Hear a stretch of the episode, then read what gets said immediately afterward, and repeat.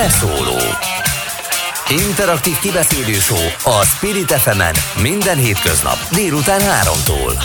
Várjuk hívásaikat a 0630 116 38 44-es nem emelt díjas telefonszámon. A mikrofonnál Lampi Ágnes.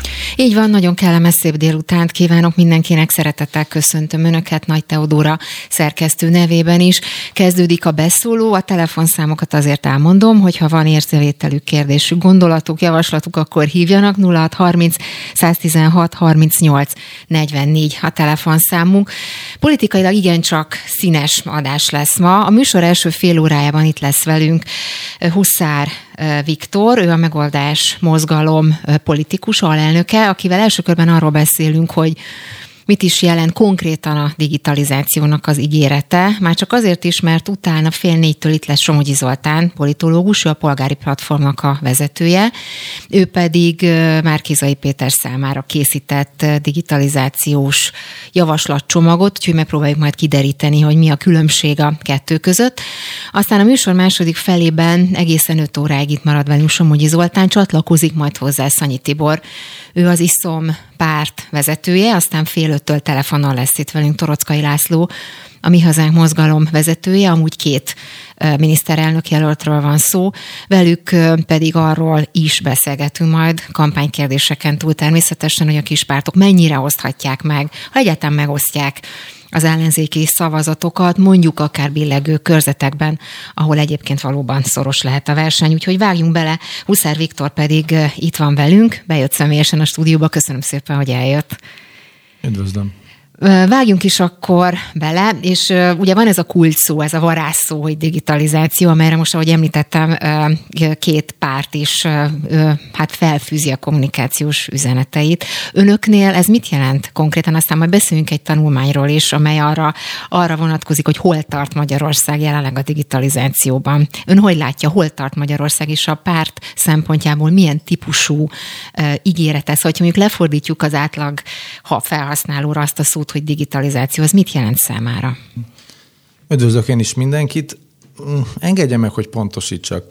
Mi a megoldás mozgalom az egyedüli mozgalom, aki a digitalizációval előjött, és mi pont ezért jöttünk létre, hogy egy picit visszahozzuk a versenyt Magyarországon, és a verseny, mivel jobb teljesítményre ösztönöz mindenkit, ezért a többi párt is hirtelen elkezdett a digitalizációval foglalkozni, de azt gondolom, hogy az azért az nem lehet kérdés, hogy rajtunk kívül... Várjon, akkor itt időbeli különbségek vannak? Csak arra gondol, hogy önök voltak az elsők, akik ezt bejelentették, és utána ehhez csatlakozott volna a többi párt?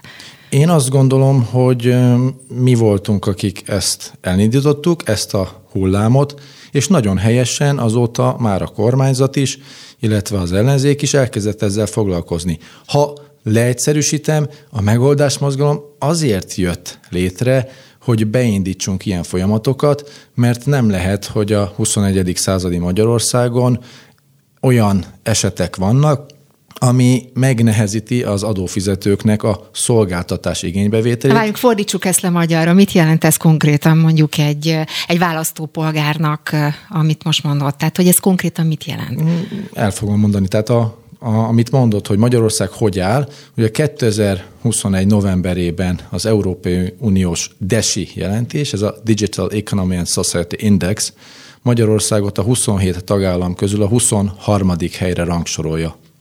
Gyakorlatilag minden mutatóban visszalépett Magyarország, kivéve a szélessávú internet elérésben.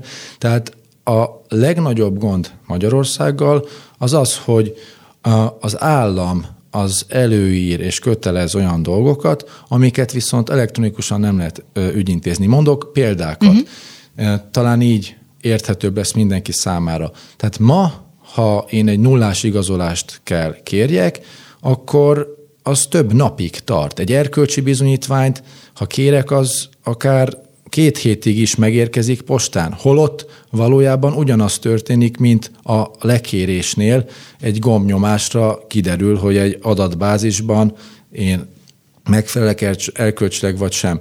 És ezer ilyen példát tudunk mondani. Amit mi csinálunk, az az, hogy meg tudjuk mutatni, hogy a digitalizációnak köszönhetően hogyan lesz Magyarországnak több pénze, és talán nem beképzeltség azt mondani, hogy mi ehhez értünk, mert egy, ezzel foglalkozunk évek óta, személyemet is tekintően nem akarok se öntelt lenni, de én ezt kutatom, tehát a mesterséges intelligencia kutatója vagyok, és ezért pontosan el tudom mondani, akár köznyelven is, hogy miként tudunk mi pénzt csinálni az országnak. Uh-huh. Én egy másik tanulmányt láttam egyébként, az Egyensúlyintézet készített erre vonatkozóan, nem csak a digitalizációra, hanem más területekre vonatkozóan is tanulmányt, és ott, ha jól nézem, nagyjából a középmezőnynek az alján mozog Magyarország a többi országhoz képest, és valóban egy picit, mintha visszaléptünk volna az elmúlt időszakban, de itt az éveket nézve azért nagyon lassú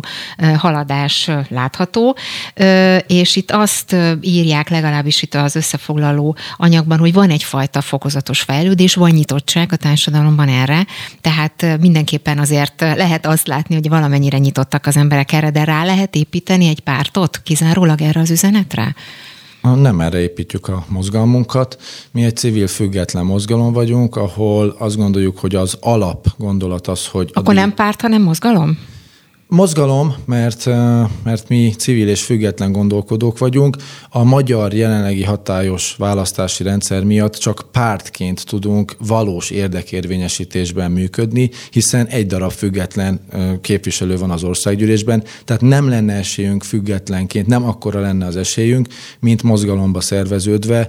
Igazából az ország... Tehát akkor csak pártnak hívják magukat, de valójában mozgalomként működnek, jól értem? A hivatalos nevünk az a megoldás mozgalom, de mivel ez egy bejegyzés, ez egy párt Magyarországon, ugye a törvények e, ezt adják nekünk, ez a lehetőségünk. Tehát nem a digitalizáció a programunk, ez az alapgondolat, mert ez az, amivel kézenfekvően kimutatható, hogy hogyan lesz több pénzünk. Hogyan lesz több pénzünk? Erre a kérdésre a politikusok és a pártok egyébként nem nagyon tudnak válaszolni, ennek részben az az oka, hogy ők nem a versenyszférából jönnek, és mielőtt még feltenni a kérdést, hogy miből gondolom ezt, megnéztem. Tehát 199 országgyűlési képviselő önéletrajzára írtam egy úgynevezett parsert, hogy megnézem, hogy kinek milyen szakmai tapasztalata van, és ez alapján 8 tíz olyan képviselőnk van, akinek van egyáltalán nemzetközi tapasztalata, de ráadásul a legtöbbnek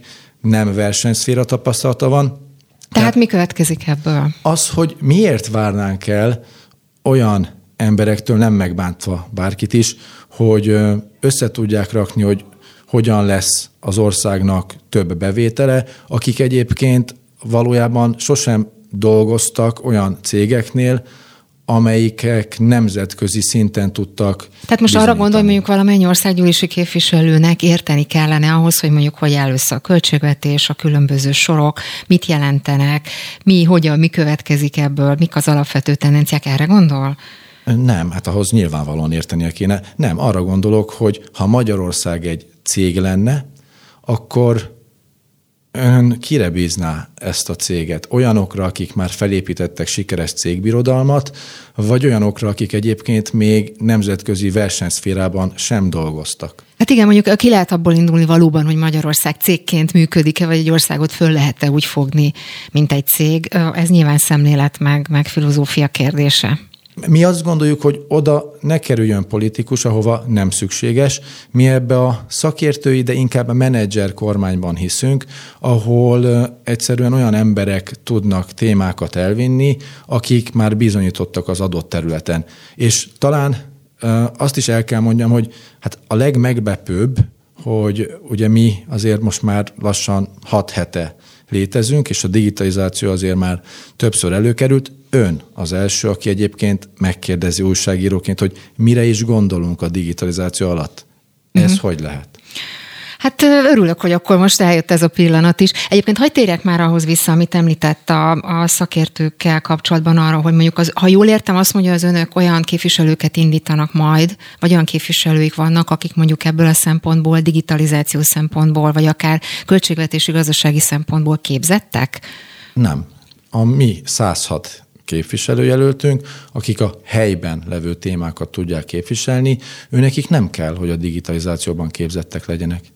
Uh-huh. Én vagyok a mesterséges intelligencia kutatója, de én nem is indulok helyi körzetben. A mi 106 képviselőnk, amit egyébként sokszor kritikus hangok illetnek, az valójában lefedi Magyarországot, mert nekünk van világválogatott focistánk, média személyiségünk, ügyvédünk, vállalkozónk, és sorolhatnám. Kisboltosunk, aki tudja és megéli a napi problémákat, helyben is tudja, hogy mik a helyi témák, de összességében a szakemberek és azok, akik egyébként értenek a különböző területekhez, azok nem a helyi képviselőjelöltek. Mindjárt beszélünk majd még erről, csak egy pillanatra hagy ragadjak már vissza ahhoz, az, amit az előbb említett, hogy, a, hogy egy országnak cégként kell működnie, mert tulajdonképpen azért nagyon hasonló, ez annak idején Trump elnök is valami hasonlóval kampányolt. Ez hasonló? Ez ugyanaz a koncepció?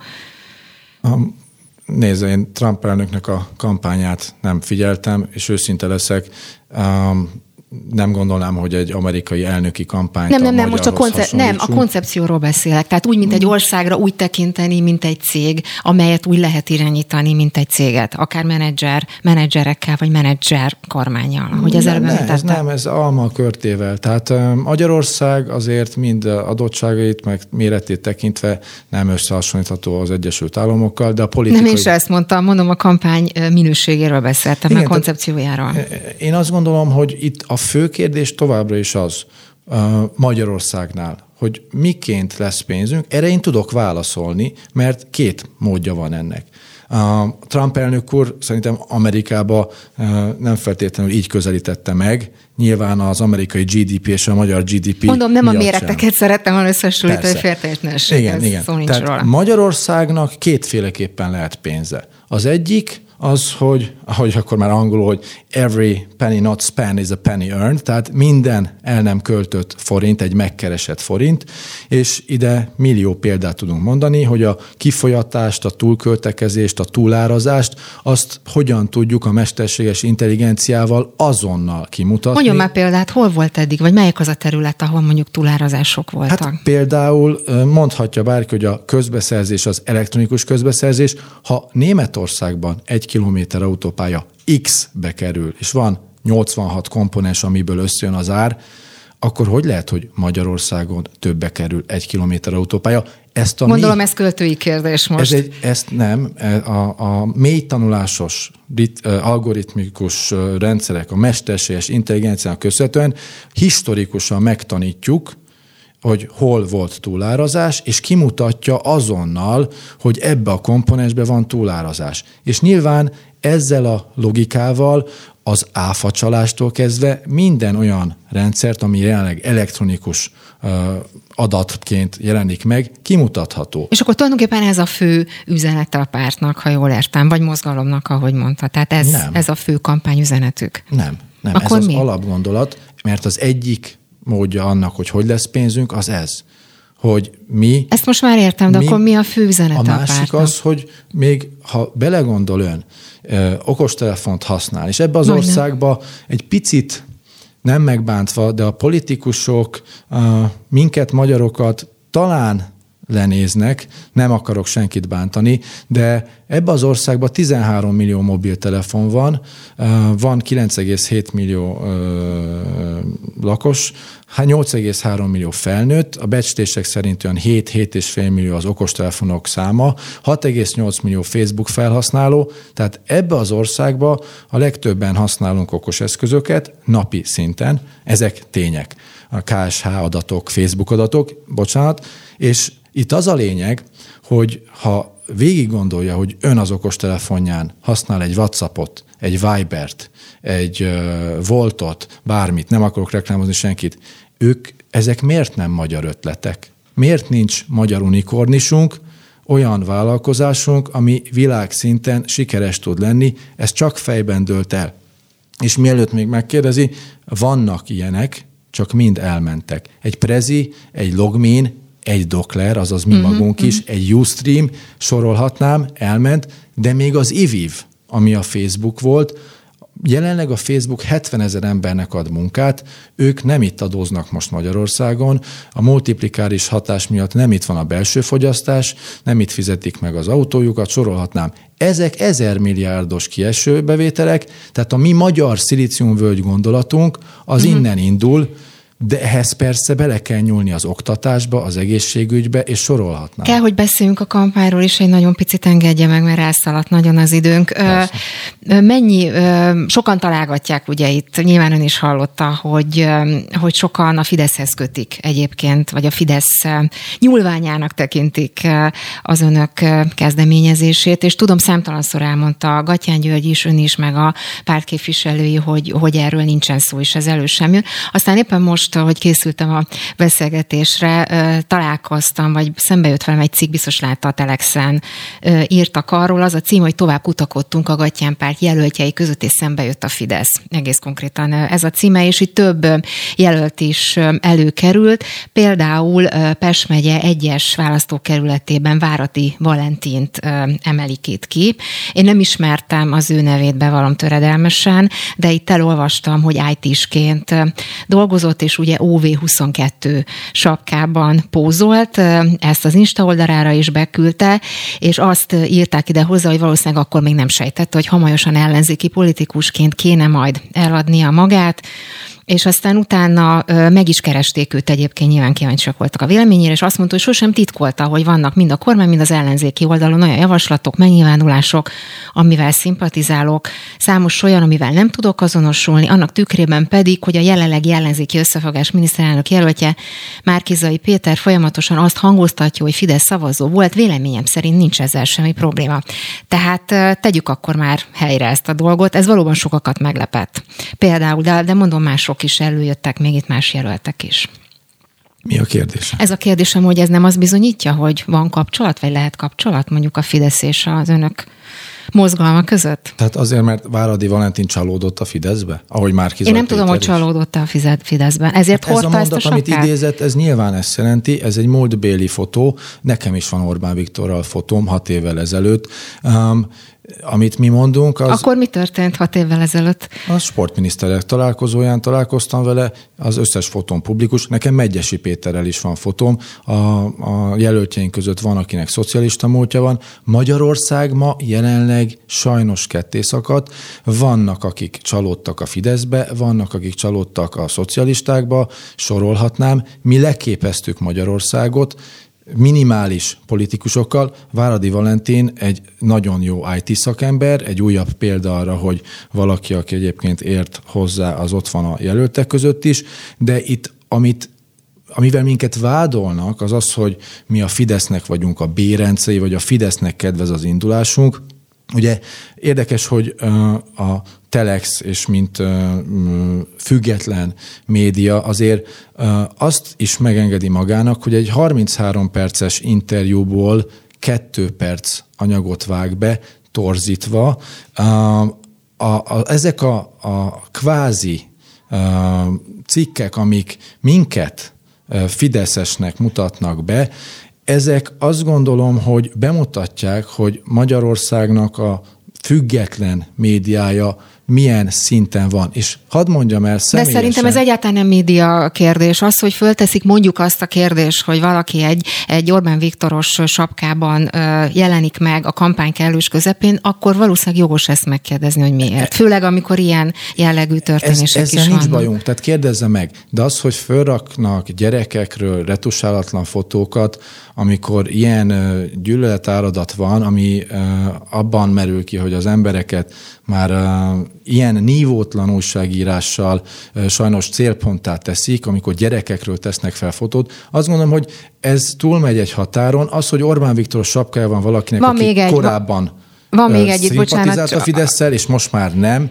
van Ezt... egy aktuális, ami nagyjából négy hónapja készült, Ungár Dánielt is ide hozták, hogy sírva röhögő smiley osztotta meg a kormányfő gúnyos posztját arról, hogy Karácsony Gergely kiszállt az előválasztásból. Vagy ez akkor saját vélemény, vagy akkor még ez az ő egyéni véleménye volt? De hát persze, hogy az ő egyéni véleménye volt. Az, hogy egyébként mit és hogyan idéznek, én saját magam tudom. Nézzék meg a teljes interjút velem, ami készült, meg a két perces összevágott anyagot. Az embernek a mondatá felét levágják. Ugyanazt csinálja a Telex is, mint egyébként a Megafon meg a társai. Tehát ne csodálkozzunk, hogy Magyarország a két múlt, a két tömb közül ketté szakad, Hát Pepitában ugyanazt csinálják. Még egyszer mondom, ön az első, aki valójában megkérdezi, hogy mi a digitalizációs programunk. Nem tartja ezt furcsának? A két farkú kutyapártról, a mi hazánkról, akik ugyanúgy a vád szerint elvisznek szavazatokat, még sincs ilyen gyűlölet hadjárat. Őket is, meg erős... fogom, őket is meg fogom kérdezni, és ugyanilyen kérdéseket fognak ők is kapni, mert hát a választók nyilván szeretnének tisztán látni, ezt a... szerintem természetes. Nagyon egyszerű, az erős embereket támadják.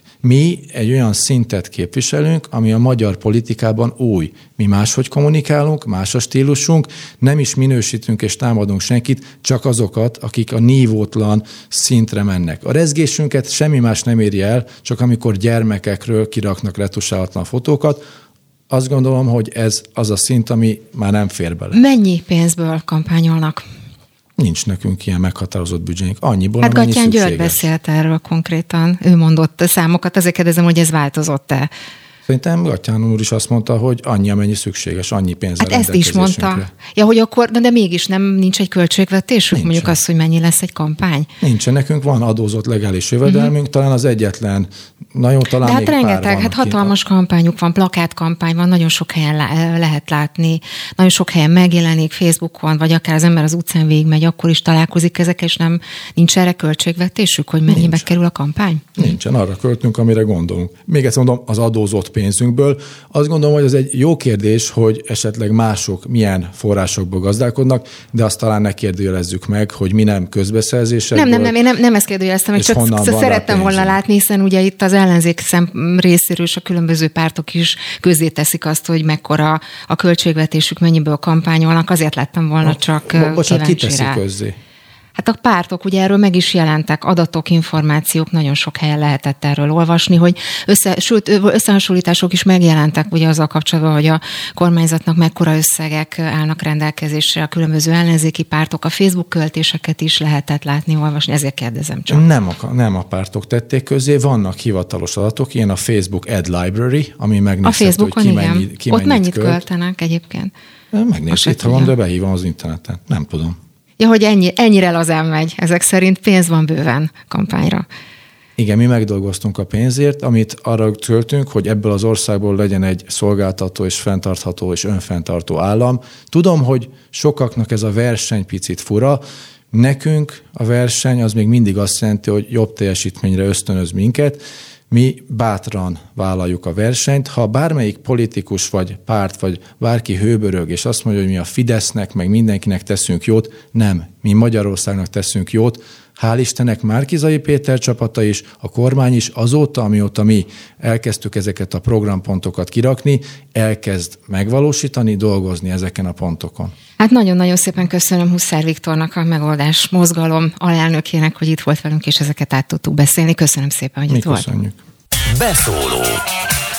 Interaktív kibeszélő a Spirit fm minden hétköznap délután 3-tól. Várjuk hívásaikat a 0630 116 38 44-es nem emelt díjas telefonszámon. A mikrofonnál Lampi Ágnes. Így van, már is folytatjuk akkor a beszólót, és itt gyors váltás volt egyébként a stúdióban, mert hogy Huszer Viktor elment, és időközben megérkezett Somogyi Zoltán, szociológus, polgári platform alapítója, és ugye itt a előző fél órában digitalizációról, meg persze politikáról beszélgettünk, magáról a megoldás mozgalomról, illetve arról, hogy mit jelent tulajdonképpen az, hogy digitalizáció, és hogy lehet lefordítani a választók nyelvére. És Huszer Viktor azt mondta, itt beszélgetünk arról, hogy mennyi az átfedés ugye a két program között, hiszen Somogyi Zoltánék is, vagy, vagy Somogyi Zoltán is készített egy ilyet, méghozzá nem is akárkinek, hanem Márkizai Péternek készült egyfajta javaslatcsomag a digitalizációról. Úgyhogy azt próbáltuk megfejteni egyelőre, hogy mi a különbség a kettő között, ha van különbség egyáltalán.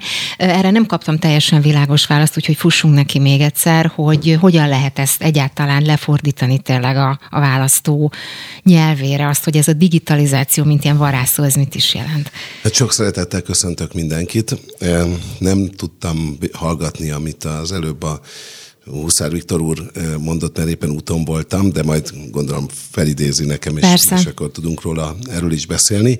Mi a polgári platform keretében közel egy éve dolgozunk azon, hogy a, a digitalizációval kapcsolatban összekapcsoljuk a, a legkomolyabb tekintélyek, szaktekintélyeket, és, a, és egy olyan programot lehessen az ország asztalára rakni, amely már bármilyen politikai erőnek megfelel. Erre volt nyitottság Márkizai Péter részéről, és ő kérte, hogy a polgári platformnak ezt az anyagát, ami egyébként a először az Indexen keresztül, aztán más fórumokon keresztül a nyilvánosságra került, ezt szeretné abban a politikai közösségben képviselni, ahol ő miniszterelnök uh-huh. jelölt, és erre kötöttünk megállapodást egymással. Egyébként Huszár Viktorék is kerestek minket, és az egyetlen dolog, ami szóba került, az az, hogy hát ők nem szeretnének már úgy megállapodni, hogy a polgári platform mással is ezt megtette, miközben egyébként a mi nyitottságunk a teljes politikai élete vonatkozott, tehát mi azt mondtuk, Egyébként a polgári platformnak korábban is voltak egyéb ilyen társadalmi célú munkái, ezek civil emberek által magánvagyonból, tehát magán erőből összerakott munkák, tehát mi semmilyen állami hátteret nem kaptunk ahhoz, hogy ebben az egy évben ezen dolgozzunk, mert az egyetlen egy dolgot gondoltunk, hogy ez jó az országnak, és mi ez, ezt ajánlottuk, hogy akár a mostani kormánypárt, akár egyébként a, a teljesen váratlanul feltűnt Gattyán Györgyféle mozgalom is nyugodtan képviselheti. Nekünk kifejezetten tetszett. Hát akkor ez volt az első, ha jól értem, időben ez az anyag volt az Igen, első. Ter- hát természetesen ez volt az első anyag, messze messze megelőzte egyébként minden más ilyen politikai felvetést. Ugyanakkor mi nagyon örültünk, hogy váratlanul egyszer csak előjött Gattyán György ezzel, hogy az országnak egy ilyen digitális váltásra van szüksége. Az első pár napban ez nagyon hangsúlyos szerepet kapott, utána már azért nagyon sok minden más szóba került, és én úgy érzem, hogy egy picit elhalt a, a digitális kormányzás gondolata az ő mozgalmukon belül. Mi abban tudtunk volna segíteni, hogyha ezt igénylik, hogy megfelelő szakmai hátteret kapjanak, mert... És itt miben nem tudtak megállapodni? Mi volt a, ez, a fő probléma, vagy csak, vagy csak egyszer másképp képzelték Megkerestek uh-huh. minket, kérték, hogy, hogy, hogy adjunk anyagokat. Mi mondtuk, hogy természetes, de ahhoz ugyanúgy meg kell kötni ezt a megállapodást, mint Márkizai Péterrel, és mi örültünk is volna ennek. Aztán valahogy úgy döntöttek, hogy nem akarják ezt az egész szállat összezavarni, gondolom azért, mert ők is valahogy ilyen, ilyen pártként akarnak jelentkezni, és akkor talán versenytársat látnak egymásban, nem tudom. Én a magam részéről messze megengedem ennek a, a mozgalomnak azt is, hogy mert benne van egy ilyen választásban, hogy egy üzletember hogy tudna még nagyobb hírnevet szerezni magának, egy, hogy tudna a saját üzleteinek még nagyobb hírt szerezni, hát pont úgy, hogy egy választáson elindul úgy, mintha egy párt lenne, és akkor nagyon sokan odafigyelnek rá. Akkor tegyünk meg picit vissza az alapkérdés, aztán majd utána politizáljunk is, mert hogy lesz, lesz témánk bőven. Mondtam a hallgatóknak, említettem, hogy egészen 5 óráig itt lesz velünk, és majd a műsor második felében beszélünk majd egyébként Szanyi Tiborral, ő is egyébként személyesen bejön ide a stúdióba, és Torockai László pedig telefonon, mert hogy a Gattyán párt, illetve az a másik két kis párt, ahogy szokták emlegetni, az is kérdés lesz, hogy ők hogyan, milyen hatással lehetnek majd a választásokra, milyen, milyen szempontból játszhatnak szerepet, de akkor vissza egyelőre a digitalizációhoz. Itt ugye az hangzott el első körben Huszár Viktortól, hogy tulajdonképpen nagyon sok pénzt lehet ezzel megsporolni, és nyilván a modern technika vívmányait lehet használni, akár egyéni szinten is, és itt egészen egyszerű példák hangoztak el, hogyha valaki nem tudom én erkölcsi bizonyítványt szeretne kérni, akkor az gyorsan megkaphatja, ne kelljen két hetet várni rá. Tehát ezek, amelyek mondjuk így egy egyéni, egyéni szempontból kicsit érthetőbbé teszik, hogy mit jelenthet ez. Persze, szívesen én is megteszem. Mi azért nem csak ebből az aspektusból közelítünk, majd szívesen kitérek arra is, hogy a költségvetésben milyen megtakarításokat lehet ezzel kapcsolatosan tenni. De hát azért az ország az nem egy üzleti vállalkozás, hanem az ország egy olyan közösség. Itt pont azt hangzott el, bocsánat, hogy szávába vágtam, mert pont azt mondta Huszár Viktor, hogy úgy kell tekinteni egy országra, mint egy üzleti vállalkozásra, és így lehet igazából eredményeket elérni. Ez egy, azért mondom, ez egy filozófiai kérdés nyilván, hogy ki hogy látja ezt. Hát jó, akkor majd visszahallgatom, és talán akkor azt a pár mondatot is hallani fogom, hogy hogy tud emellett érvelni. Nyilvánvaló azért az egy más közösségi létet jelent egy üzleti vállalkozáshoz képest, ahol ha valaki mondjuk úgy érzi, hogy nem jó abba, azon a téren, akkor esetleg tud váltani és át tud menni egy másik üzletbe. Ez az ország, ez pedig egy olyan közösség, amiből nem lehet kilépni, vagy legalábbis nagyon-nagyon nehezen tud az kilépni, aki ide született, és ilyen szempontból ezt nem csak ebből az úgymond üzleti alapból érdemes közelíteni, meghagyva azt persze, hogy a digitalizmus az költségvetés csökkentő hatású is lehet, ha jól csinálják, uh-huh. és a mi kritikánk az egyébként, hogy Magyarországon eddig nem csinálták jól, de ennél sokkal, de sokkal fontosabb, hogy ebben az országban emberek élnek, akiknek az életét, az élet minőségét kell javítani minden tekintetben, amiben csak tudunk, és a digitalizmus erre nagyon sok fontos példát mond. Hadd kezdjem egy nagyon, egy ilyen radikális példával, az, hogy Magyarországon a digitalizmus állapota, a digitális kormányzás állapota ott van, ahol van, ezt kijelenthetjük, hogy emberéletekbe is kerül. Számos példát lehet mondani, mm. milyen területeken kellett volna már Mondjuk ezt az már akkor erre példát. fejleszteni. Például idős emberek, ugye sokaknak vannak olyan hozzátartozói, akikre gondoskodni kell, Nyilván próbálkozunk is, és a család azért van, hogy segítjük őket, de nem tudunk minden pillanatban mindig odafigyelni. És hogyha azt, az abba emberek meghalnak, hogy úgy érzik, hogy azt a gyógyszert, amit felír az orvos, nem kell beszedni, mert már jól érzik magukat. Ha úgy érzik, hogy, hogy ők, ők most inkább kihagynák a gyógyszerszedést. Az egészségügyi digitalizmusnak egy pontja az, mhm. amikor, amikor azt a rendszer, azt bevezetjük rendszerszerűen, hogy az orvos látja, hogyha a betege elkezdi a gyógyszert nem szedni, és erre ő vagy az asszisztense fel tudja hívni a beteg figyelmét, tud neki szólni, meg tudja kérdezni, hogy mi történt. Egyszerűen kapcsolatot tudnak találni uh-huh. egymáshoz.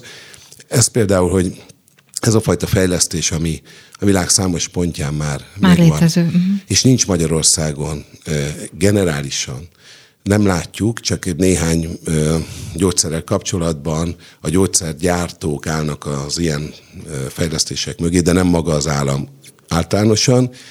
Ebben, ebben ez nagyon sok ember életbe kerül évente például. Uh-huh. Igen, ez, ez megdöbbentő volt, amit mondott, hogyha innen nézzük.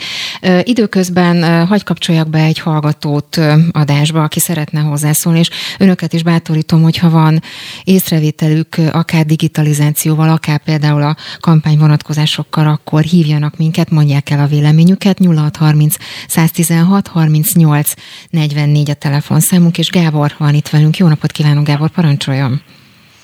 Jó napot kívánok, üdvözlök mindenkit. Érdeklődéssel hallgatom a digitalizáció és a választás viszonyát, kapcsolatát. Röviden az a véleményem, hogy a 40 alatti korosztálynál ez szerepet játszhat, de nem 2022. április 3-án, mert ez nyilván a Fidesz és a baloldali összefogás között fog eldőlni. Azzal nem értek egyet, hogy a Telex független médium lenne, azzal pedig pláne nem, illetve ugyanúgy nem, hogy ember életekbe kerül. Magyarország nagyon-nagyon jó eredményeket ér el az informatikában. Ezt a de várjon, ez egy két teljesen különböző, különböző dolog. Tudom. Mármint ami az informatikát, a diákolimpiát, a médiát, illetve a, az egyéb szempontokat illeti. Igen, de mivel a műsorban mindegyikről szó volt, ezért mindegyikről van egy rövid véleményem. Mondom, a 40 év alakiaknál ez szerepet játszhat. Nem hiszem, hogy bármelyik párt bele tudna szólni a, a, a két nagy oldal küzdelmébe, innen-onnan csipegetett szavazatokat. Az viszont nem igaz, hogy Magyarország rosszul a digitalizációban, főleg az ország méretéhez képest, és hát ha Neumann Jánost említem, tulajdonképpen az egész világ neki köszönheti, hogy ma digitalizációról beszélhetünk. Jó napot kívánok, üdvözlöm. De sajnos igaz, és az igazság az onnan jön, hogy van ennek megfelelő mérési gyakorlata, ezt hívják, mondom, most magyarul mondom, DESI indexnek, ez egy rövidítés, és ez, ebben a, az indexben elég egyértelműen hár, négy pontból egy önt erősíti, három pedig minket, és az a három az nagyon fontos. Tehát önt erősíti az, hogy infrastruktúra tekintetében Magyarország az egyik élvonalbeli szereplő, mondjuk volt, mert az Európai Uniós országok sorában most 12. korábban a 7. volt. Ez az infrastruktúra részét illeti, tehát az, hogy hogy jutunk hozzá. Például az internethez erről beszélgetünk, vagy hogy, hogy, hogy tud az állam összekapcsolódni egyébként a vállalkozásokkal és beszedni a megfelelő adókat és járulékokat. Ebben a, egyébként a Fidesz nagyon erős volt, és plusz 6000 milliárd forintnyi adóbevételt, adó és járulékbevételt szerzett be évente így, és ez dicséret érdemli ezt a részét. Amivel nem foglalkozott, hogy amit bevételt szerzett, azzal utána, azt utána, hogy fejlesztés, ez a három pont, ami ebben a nemzetközi összehasonlító indexben Magyarország mind a háromban, vagy utolsó, vagy utolsó előtti helyen áll. Az egyik a szolgáltatás része, tehát hogy milyen szolgáltatásokat ad vissza, arról szeretnék itt hosszabban beszélni majd a műsorban. A másik a digitális műveltség, tehát hogy maguk a, lehet, hogy volt egy Najman Jánosunk, de ugye itt most 10 millió ember lakik, hogy ez a 10 millió ember mennyire érti a digitális eszközöknek a használatát, mennyire tudja használni, és van egy harmadik, ami nagyon fontos, hogy nem kapcsolták össze a különböző digitális fejlesztéseket, tehát ezek a rendszerek nincsenek összekapcsolva különböző intézményekhez, ha odafordulunk, azok önálló digitális rendszerekkel dolgoznak, és ezek a rendszerek nincsenek egymáshoz kapcsolva.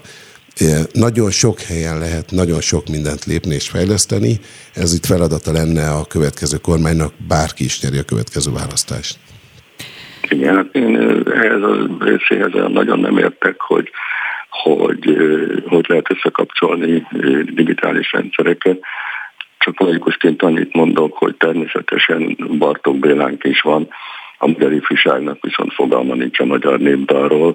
Ez egy egészen más kérdés, hogy az internet kit hova jut egyébként elég jó a lefedettség, szó nincs arról, hogy itt ne lenne elérhető a legkisebb faluban is az internet. A, le, a, lefedettségben, a lefedettségben való igaz, hogy a legjobban állunk, de a legkisebb faluban nem elérhető, még így sem az internet rendesen. Tehát az a helyzet, hogy ott azonakon a területeken, ahol az adó és járulékbevétel az erős tud lenni, tehát úgy érezte az állam, hogy ott neki kapcsolatot kell találni a választóival, ott komoly fejlesztéseket hozott létre, és még infrastruktúra területén is van egy olyan 5-10 százaléka az országnak, amelyik még így sem jut megfelelő eszköz megfelelő rendszerhez.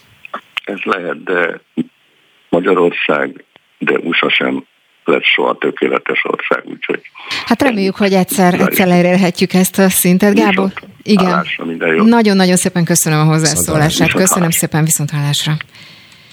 Hát az elgondolkoztató volt, amit mondott. Ezt, hogy beszélünk a műsor második felében nyilván a politikai száról is, mert ugye azt mondta a Gábor, betelefonálunk, hogy szerint a 40 alattiaknál ennek nagyon fontos jelentősége van, és hozhat szavazatokat. Hát 40 fölött is. Ma, ma, Én is azt gondolom, mond, hogy 40 mondok fölött 40, is. akkor hát egyébként szépen generációkra meghatározottan is tudunk mondani példákat, mert uh, tudunk mondani mondjuk 40 fölött, 40 pluszosoknak is olyat, ami, ami nyilván meglepi őket, hogy ezt lehet máshogy csinálni, mert itt van például az EST-nek nevezett rendszer, ami egyrészt bizonyítja azt, hogyha az állam akar, akkor képes valamit elérni, bizonyítja azt, hogy megfelelő infrastruktúra van hozzá, bizonyítja azt, hogy megfelelő tudás van hozzá, és mégis valahogy a végén nem jön ki a megfelelő szolgáltatás. Tehát azt mondom, hogy picit kéne ahhoz hozzányúlni, és már, már például az EST-re uh-huh. lehetne azt mondani, hogy, hogy valahogy közel állnánk az európai ismert megoldásokhoz. De azért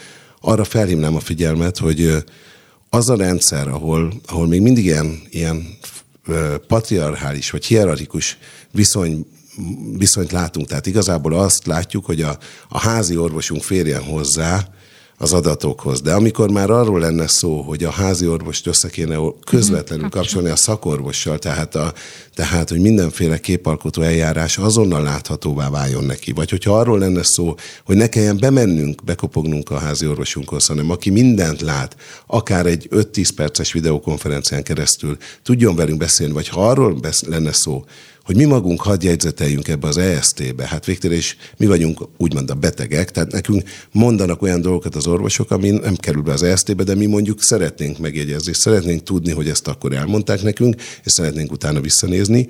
Erre ez a rendszer még egyelőre alkalmatlan. Pedig uh-huh. meg lehetne csinálni, ha felmérnék a szolgáltatás igényeket, akkor ez működhetne. Sokkal több beteget tudnának házi orvosok is ellátni, hogyha ezt a magát egyébként az ő finanszírozási, finanszírozási rendszer. Igen, nyilván is. ezért merült fel, hogy minden összefügg mindennel, és Igen. itt a, beszéljünk már egy picit a pénzről is, meg arról, hogy, hogy hogyan lehet egyáltalán indulni ezen a szálon, mert itt a műsor első felében is felvetődött, hogy, hogy akár a költségvetésben is találhatóak olyan összegek, amelyek akár átcsoportosíthatók, és hogy itt nagyjából milyen nagyságrendről beszélünk. Talán nehéz így konkretizálni, de azért próbáljuk már meg, hogy mégis el tudjuk hát mondjuk, ezt helyezni. Ha mondjuk az előbbi konkrét példánál maradnánk, ott úgy kalkuláltunk, hogy az ESZT átalakítása az egy kb. 20 milliárd forintos fejlesztés lenne, amit ez a költségvetés bőven el tudna bírni. Igen, sokkal többet gondoltam És volna, akkor nézzük meg azt, meg, nézzük meg generálisan, mm-hmm. ott, ott nem tudunk mást, mint a, van egy-két ország, aminek, amelynek konkrét tapasztalatai vannak, tehát az Egyesült Királyság tudja, hogy a költségvetésének a két át megtakarította a digitális fejlesztéssel. De ugyanez a tapasztalat az észt modellel, mi, hogyha az észt modellt húzzuk elő, az azért is érdekes, mert ott van egy olyan szám, ami nagyon meglepő és megdöbbentő, és mondjuk kiinduló pontja tud lenni annak a kritikának, hogy az elmúlt mondjuk tíz évben eh, hol maradtunk el, meg hogy hol rontottuk el, vagy mondjuk a kormányzat hol rontott el. Az észt fejlesztés az egy példa mindenkinek a világban. Például a finnek tőlük vették át az, a, a modellt, és azt fejlesztették tovább. De mindenki ismeri a világban azt, hogy az ész digitalizáció az élenjáró volt. Ennek különböző okai vannak, majd ha esetleg van idő a műsorban, mm-hmm. elmesélem. De az egész fejlesztés, ami egyébként szinte mindent tud, amit mi el szeretnénk valamikor érni, és amit mi célként határoztunk meg, az összesen 220 millió euróba került, 220 millió euró. Uh-huh.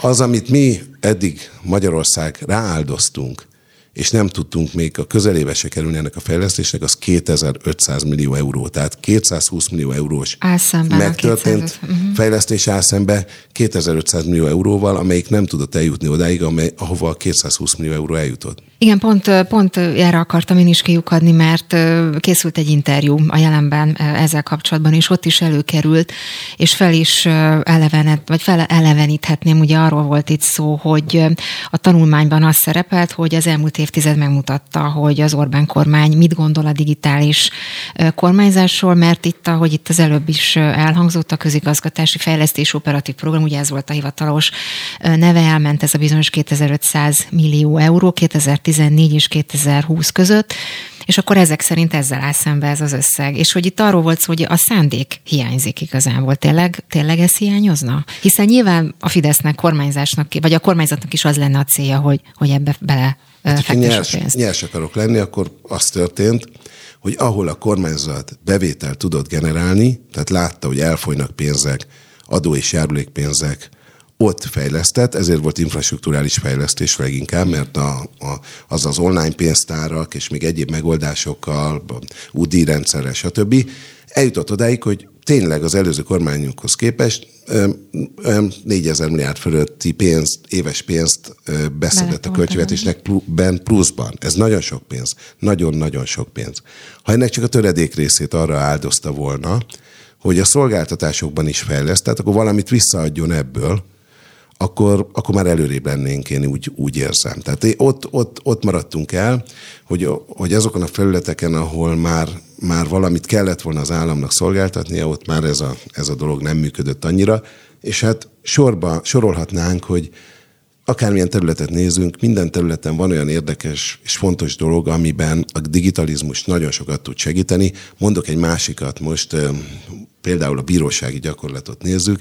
A digitalizmus alkalmas lenne, hogy mondjuk a bírók úgy kapjanak ügyeket a kezükbe, hogy az teljesen e, a digitális sorsolás szerűen, tehát azt tudja a rendszer, hogy melyik bírónak van éppen annyi lehetősége, ideje, stb., hogy egy munkát el, ő tudja a legjobban uh-huh. elvállalni, és ezzel gyakorlatilag anonimizálni az ügykiosztást, ami például a bírósági gyakorlatban egy óriási fejlesztés lenne, és nem lehetne azzal vádolni mondjuk főbírókat, Értem. hogy uh-huh. irányítják a, a bírósági gyakorlatot. Hagy kapcsolódak már ehhez, mert itt ugye a korrupció is előkerült, az, hogy a korrupció ellen hogyan lehetne fellépni. Ugye itt ebben az interjúban, de számos más helyen is előkerült az, hogy, hogy ennek a korrupció elleni küzdelem melletti elköteleződés is nagyon fontos lenne, mert hogy lehetne küzdeni Persze. a korrupció ellen. Ezt hogyan kell elképzelni? Ez nagyon fontos, és aztán kampány szempontból is szerintem ez számít. Ugye, ami egy politikus nagyon tud idegesíteni a digitalizációban, hogy az gyakorlatilag mindent kereshetővé tud tenni, ha a politikus megengedi, hogy kereshető lehessen. Ez jó, hogy hozzátettük, hogy a politikus megengedi. Hát politikusoktól hát függ, egyébként politikai döntéstől függ. És az, hogyha valami kereshető visszamenőleg, akkor másokkal szemben összehasonlítható is. Tehát ha például a közbeszerzés gyakorlata olyan módon kerülne elő, a digitális közbeszerzés úgy indulna el, vagy úgy vezetnék be, hogy nem lehet csak úgy ajánlatokat adni, hogy mintha nem tudnánk, hogy egyébként meg milyen összehasonlító árak vannak, vannak a világban, egy olyan munkára, vagy akár Magyarországon korábban milyenek voltak, vagy könnyedén lehetne látni azt, hogyha ha ezek az adatok könnyen hozzáférhetővé lennének, hogy hol van az, ahol elcsúszik egy közbeszerzés. Vagy mondjuk digitalizmus, hogy simán lehetne eljutni odáig, hogy az egész közbeszerzési folyamat minden elemében, ahol valaki dönt valamilyen módon jelen van, tudjuk, hogy ki volt felelős, állami vezetőkről beszélünk, felelősséget vállaljon a döntése iránt, és mi erről tudjunk. Tudjuk, hogy kik voltak ezek az emberek. Harmad részt maga a digitalizmus lehetőséget ad, hogy bármilyen állami folyamatban, így akár egy közbeszerzés kialakításának a folyamatába is bárki, aki ért hozzá, hozzá tudjon szólni. Mert ha mondjuk elkanyarodunk most egy kicsit a közbeszerzésre, uh-huh. és megnézünk két olyan konzultatív folyamatot, amit az állam általában leszokott vezetni, az már olyan kőkorszakinak tűnik egyébként egy digitális szemszögből. Mondok egyet, a, uh-huh. és évente nagyon sok milliárdot elköltenek az úgymond nemzeti konzultációra. Most vegyük úgy, hogy ez nem egy politikai marketing rész, hanem tényleg konzultálni akarnak. Ha az állam tényleg konzultálni akarna, akkor mindent eszközt rendelkezésre bocsájt a digitalizmus ahhoz, hogy ezt, hogy ezt 10 millió ember felé online módon meg tudja valósítani. De egy másik, minden törvény mellé ott van az a kötelezettség, hogy társadalmi egyeztetést igényel az a folyamat, hogy hogyan áll elő egy törvény. Ezt úgy, úgy csinálják most, hogy a kedvenc civil szervezeteket megkérik, hogy szóljon már hozzá. És véleményezzenek. Igen, véleményezzenek. Sokszor mm. sokan, akik szakemberek nem is tudják, hogy éppen mihez lehetne hozzászólni. Ezt már bőven meghaladtuk. Egy társadalmi egyeztetést lehet abban a digitális formában művelni, hogy pontosan tudjuk, hogy ki mindenkit kell egy gomnyomással értesíteni, hogy most itt hozzá lehet szólni. Ha hozzászól, akkor lássuk a hozzászólását, tehát az is nyomon követhető legyen, hogy egy adott törvényhez mit, mit tenne hozzá, és az is látható legyen, hogy mi az, amit ebből a magyar állam beemelt, mert úgy érezte, hogy ez helyes, és lássuk, hogy mi az, amit nem emelt be, mert akkor adott esetben azt is meg Tehát lehet kérdezni, a folyamat... ötlet, hogy miért nem tette. Tehát nyilván akkor a folyamatok sokkal átláthatóbbak Igen. lennének. Talán nem véletlen, hogy az előbb említettük, hogy, hogy nem igazán a, a politikai szándék talán, talán innen még hiányzik. Az, hogy végül is Márkizai Péter részére készült el ez, az azt jelenti, hogy ők erre nyitottak? Ez, ez Ebből a, a szempontból, vagy maga ez egy csomag? Eredendően ez az ország részére készült el, és, okay. és, e, és Márkizai Péter csapata volt, és maga Márkizai Péter, aki megszólított minket, hogy ezt tartják olyan minőségűnek, hogy kerüljön be az ő programjukba, mert ők szeretnék ebben a, a programjuk részévé e, tenni, de mi eredendően ezt úgy, csinál, úgy készítettük el, hogy mindenki, akit érdekel, és továbbra is mondom, itt, innen üzenem a kormányzat tagjainak, hogy mi teljesen nyitottak vagyunk a kormány felé is, csak hát ott nem érezzük ezt a fajta nyitottságot, ami Márkizai Péter részéről megvolt. Na akkor innen fogjuk folytatni majd a második órában. Egy picit a politikára helyeződik majd a hangsúly innen, ez át is, át is tudjuk majd vezetni. Itt lesz eh, személyesen bejön a stúdióba Szonyi Tibor, az ISZOM elnöke, és aztán fél öt után telefonon lesz a vendégünk Torockai László, a mi hazánk elnöke. Arról fogunk beszélgetni, hogy eh, a kispártok mennyire határozhatják meg a választás eredményét, mennyire van jelentősége például az, hogy meg, megosztják-e vajon az ellenzéki szavazatokat, és Somogyi Zoltán is itt marad egészen 5 óráig, és ő is segít megérteni a folyamatokat, úgyhogy már is folytatjuk. Beszóló Interaktív kibeszélő a Spirit fm minden hétköznap délután 3-tól. Várjuk hívásaikat a 0630 116 38 44-es nem emelt díjas telefonszámon. A mikrofonnál Lampi Ágnes. Így van, már is folytatjuk a beszólót. Ha van észrevételű gondolatok a műsorral kapcsolatban, akkor nyugodtan hívjanak minket 0630 116 38 44 a telefonszámunk, és ahogy ígértem, csatlakozott hozzánk személyesen itt a stúdióban Szanyi Tibor, az ISZOM elnöke. Jó napot kívánok, köszönöm napot szépen, kívánok. hogy befáradt, mert hogy azt ígértem a hallgatóknak, hogy Somogyi Zoltán ugye picit most politológusi kabátját fogja felvenni, és egy picit elemezzük a, a helyzetet, a kampány helyzetet, és láttam tegnap a Vox című adásban is, itt volt nálunk az ATV-ben is hasonló volt a téma, hogy mennyire osztja meg, vagy oszthatja meg az ellenzéki szavazatokat, ugye sokan ezt találgatják, hogy a kispártok egyáltalán elvisznek-e szavazatokat, nem visznek el szavazatokat.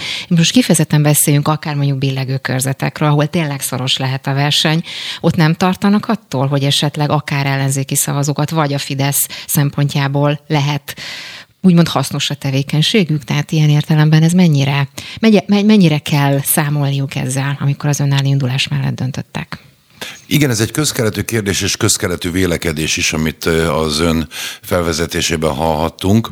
Én ezt tegnap is kifejtettem az ATV műsorában, és kitartóan ezt gondolom, hogy a mai helyzetben, és ez sajnos az elmúlt évtizedre is igaz, mindaddig, amíg a Fidesznek összességében több szavazója van, mint amennyi az ellenzéki pártoknak, addig egészen konkrétan biztos, hogy a voksoknak több mint felét tudja elvinni.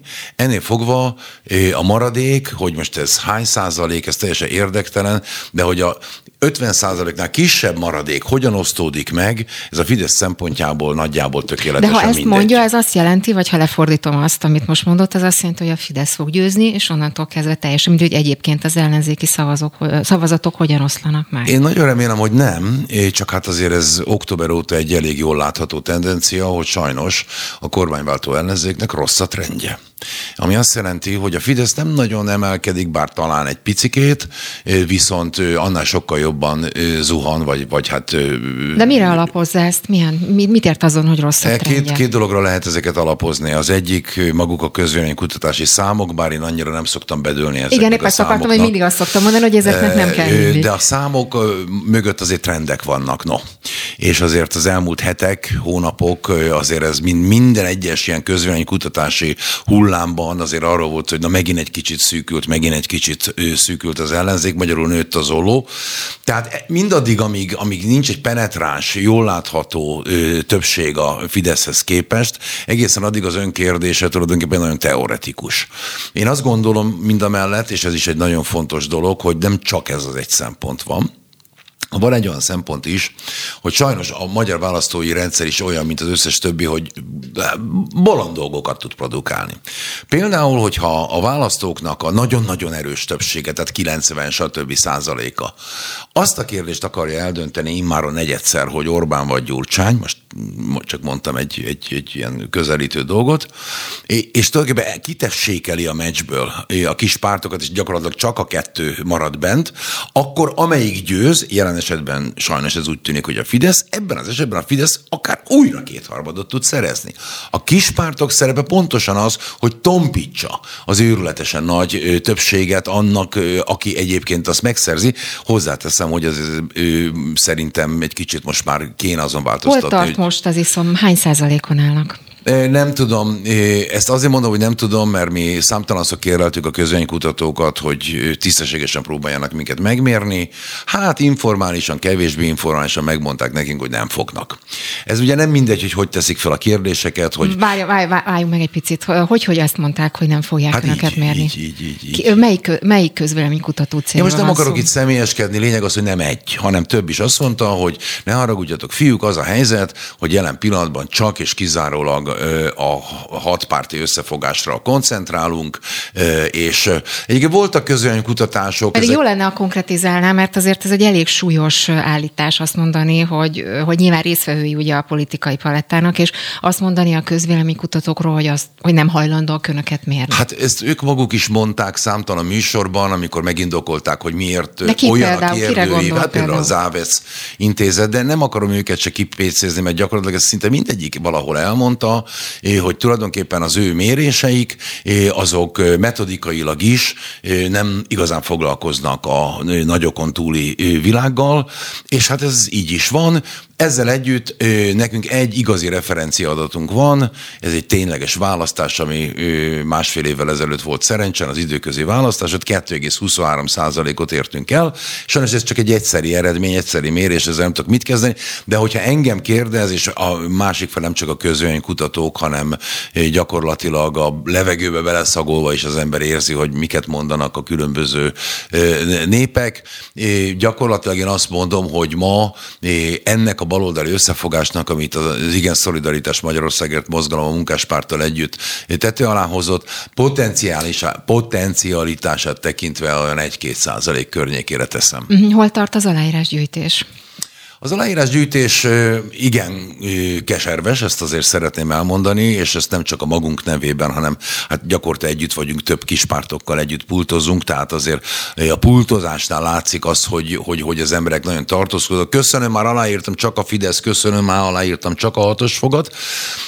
Viszont hát, hát nem is a pultozásnál dől ez el, hanem a házról házra járásnál.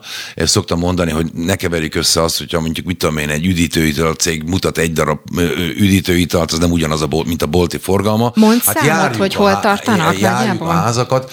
Körülbelül egy olyan tíz helyen van, ahol már ö, tulajdonképpen az 500-as limitet meghaladtuk, és ö, hát azért 600-at kell beadni, mert azért nagyon sok ö, a potenciálisan rontott szavazat, nagyjából 20%-a az aláírásoknak problémás szokott lenni. Uh-huh. Volt a, a HVG-ben egy cikk, nyilván ön is látta, ugye azzal kapcsolatban, hogy Bájer Zsolt felszólította a Fidesz szavazókat, hogy írjanak alá alá az iszomnak, és aztán összefüggésbe hozták, hogy utána egy nappal később önnel egy interjú jelent meg a Magyar Hírlapban. Biztos látta ezt az anyagot, és ugye ennek a kimenetele az az, hogy nyilván valahol, ha Fidesz áll, hat esetleg önök mögött. Ez mennyire megalapozott ez az állítás? Hát van egy jó hírem, én speciál Bajár Zsoltal az életben nem beszéltem egy szót sem. Tehát az, hogy az ő író... Pedig attól még megtörtént, hogy ezt erre, erre igen, buzdítja bár nem a Fidesz szavazókat. ránk hegyezte ki ezt a dolgot, hanem felsorolta az összes igen. kispártot, köztük minket is. Ő neki volt valamilyen taktikai megfontolása. Őszintén szólva, most a közírói romantikának a szépségét hátrahagyva azt kell mondjam, hogy azért ez az utcán, vagy a házaknál azért egyáltalán nem érződik, mint mondtam az előbb. Sajnos az elutasító mondatoknak nem is az, hogy hogy nem kell belőletek, nem kell baloldal, nem kell nem tudom milyen oldal, hanem az, hogy köszönöm, én már aláírtam, csak a Fidesz, köszönöm, én már aláírtam, De mi csak lett az oka annak? Azért Bájás Zsolt mégiscsak ezer szállal a Fideszhez. Hát gondolom, ne, neki is van valamilyen választói, választói matematikája. Ha én jól értettem annak a cikknek az üzenetét, akkor ő arra gondolt, hogy adjunk esélyt új ellenzéki pártok fölnövekedésének, mert hogy ő személy szerint úgy látja, hogy a tradicionális, hagyományos ellenzéki pártok, azok gyakorlatilag gyakorlatilag már annyiszor leszerepeltek, hogy váltsunk Gyurcsányt, vagy valami ilyesmi volt a konklúziója. Mondom, ez egy közírói történet, de ha már ön említette ezt a bizonyos magyar hírlapos interjút, ennek az időzítése azért elég nehéz, mert például most itt vagyok, tegnap az ATV-be voltam, és ez az, konkrétan az a magyar hírlapos interjú, az tíz napon át érlelődött, hogy miért, miért nem én erről nekem nincs.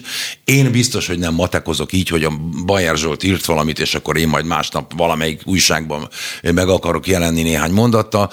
Ez, ezek ilyen forradalmi fantáziának a részei, szeretném megerősíteni, és itt a hallgatóknak is világosra tenni, mi mindenféleképpen kormányváltásban vagyunk érdekeltek, tekintettel arra, hogy a jelenlegi kormány sem mutatott semmilyen előrelépést a szociális válság felszámolása tekintetében, tehát mindenképpen olyan erőknek kell jönni, akik erre hivatottak, az nekem egy nagy fájdalom, hogy az ellenzéki hatosfogat programjának sincs markáns szociális eleme. Hát épp a minap jelentették ezt be Hát igen, ez egy szép dolog tőlük, hogy egy Mármint hónappal a... a választások előtt talán törődnek is a szociális kérdésekkel. Én úgy gondolom, hogy mi két évvel ezelőtt jelentettük be a programunkat, ami viszont egészen konkrét egy nagyon-nagyon erős szociális tartalmú, tehát a jólléti szocializmus az, amit mi célul tűztünk ki. Ez nem azt jelenti, hogy ha most történetesen megnyernénk a választást, akkor április 4-től jólléti szocializmus lenne, de egy irány, egy hosszú távú irányt azt azért mindenképpen mondom, és mi az visszakérdez, miért pont szocializmus? Azért, mert a kapitalizmus láthatóan megbukott azáltal, hogy tönkrevágta az utolsókat rúgjuk ezen a földön. De azt mondjuk abból a szempontból, hogy ilyen nehezen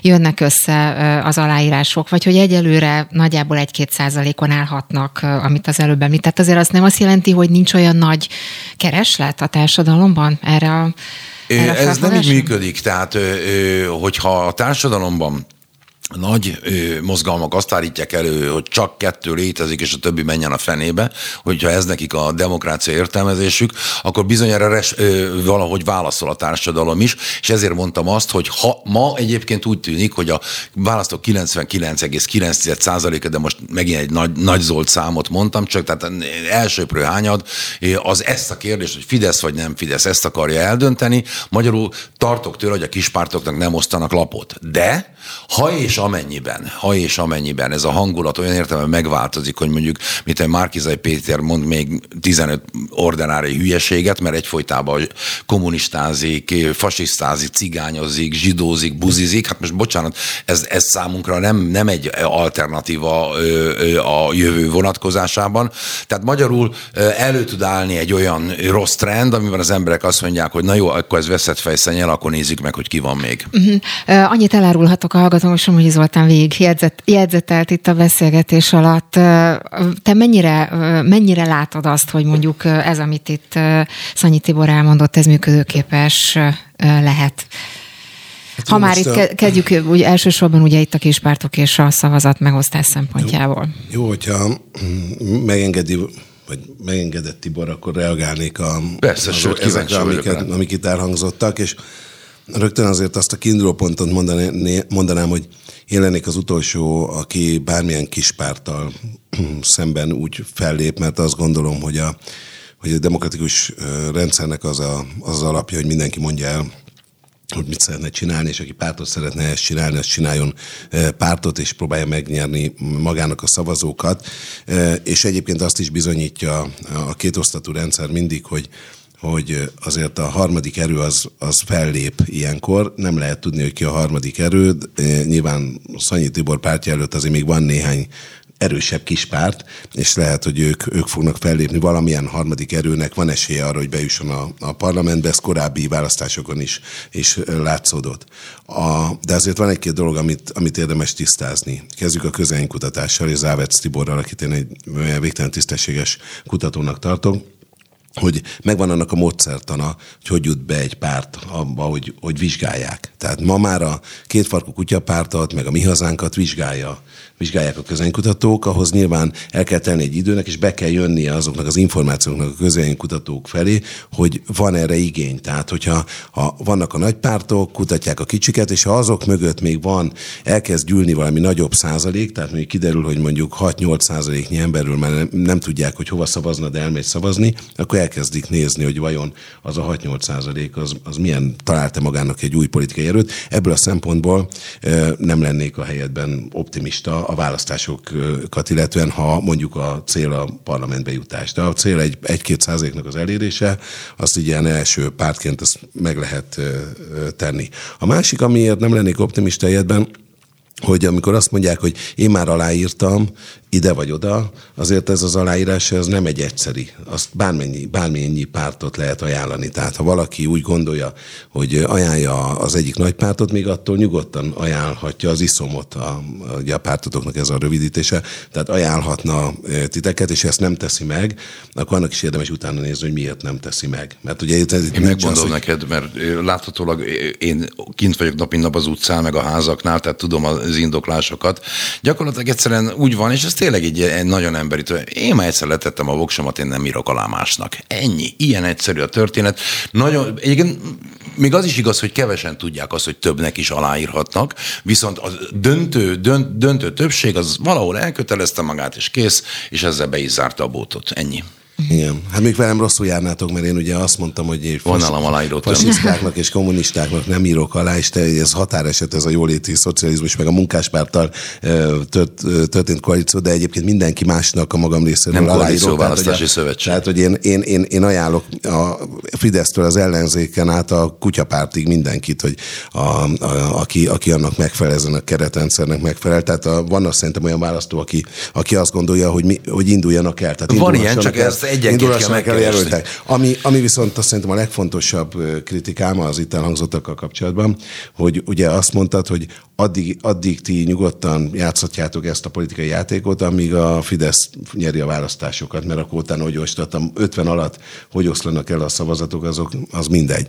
Szerintem ez nem dölt el. Tehát én nem, én nem látom azt az adatokból, hogy ez eldölt volna, azt, azt látom, hogy azért fogott össze ez a hat párt, hogy ők többek legyenek, mint a Fidesz, és van is egyébként rá, rá esélyük, hogy a parlamentben eh, nagyobbak legyenek, mint a Fidesz. Van esélye az ellenzéki többnek megnyerni a választásokat, még akkor is, ha én is látom azokat a hibákat, amiket az előbb eh, felsoroltál, és látom azt a tendenciát, hogy van, amikor emelkedik, a, van, ami dinamizmus fölfele, és van, amikor dinamizmus lefele van, és most azt érzékelem, hogy mintha az ellenzék számára ez a dinamika lefele menne, de nincsenek olyan távol a Fidesztől, tehát a Fidesz és ez az Egyesült Tömb, ez a, az elmúlt hónapok óta nincsen úgy távol egymástól, hogy meg tudjuk mondani, hogy kinyeri a választásokat. Itt szerintem nagyon bátor az ellenző, aki azt mondja, hogy hát ezt simán nyeri a Fidesz. Azért ő, ő azért azt a várakozást, és sajnos ezek a várakozások elég kemény szerepet játszanak a végkimenetben, azért te is tudod, meg mindenki tudja, hogy akárki akármerre adná a szavazatát, azért a lakosság kétharmada jelenleg a Fidesz látja favoritnak.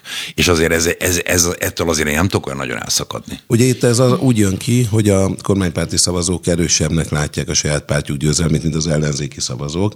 Az ellenzéki szavazóknak az elkeseredettsége viszont más dolgokból is táplálkozik, tehát látnak egyfajta túlerőt, túlhatalmat a Fidesz oldaláról, és azt mondják, hogy ilyen körülmények között, amit a Fidesz most a, a kormány az ország felé diktál, ilyen körülmények között az ellenzék nem, tud, nem tudhat nyerni, de ez nem jelenti azt, hogy ők nem mennek el szavazni. Kétségtelen, viszont azért ezen a ponton muszáj mondanom azt, hogy itt jelen pillanatban mindkét nagy tábor annak a tudatnak a fenntartásában érdekelt, hogy 50-50 van.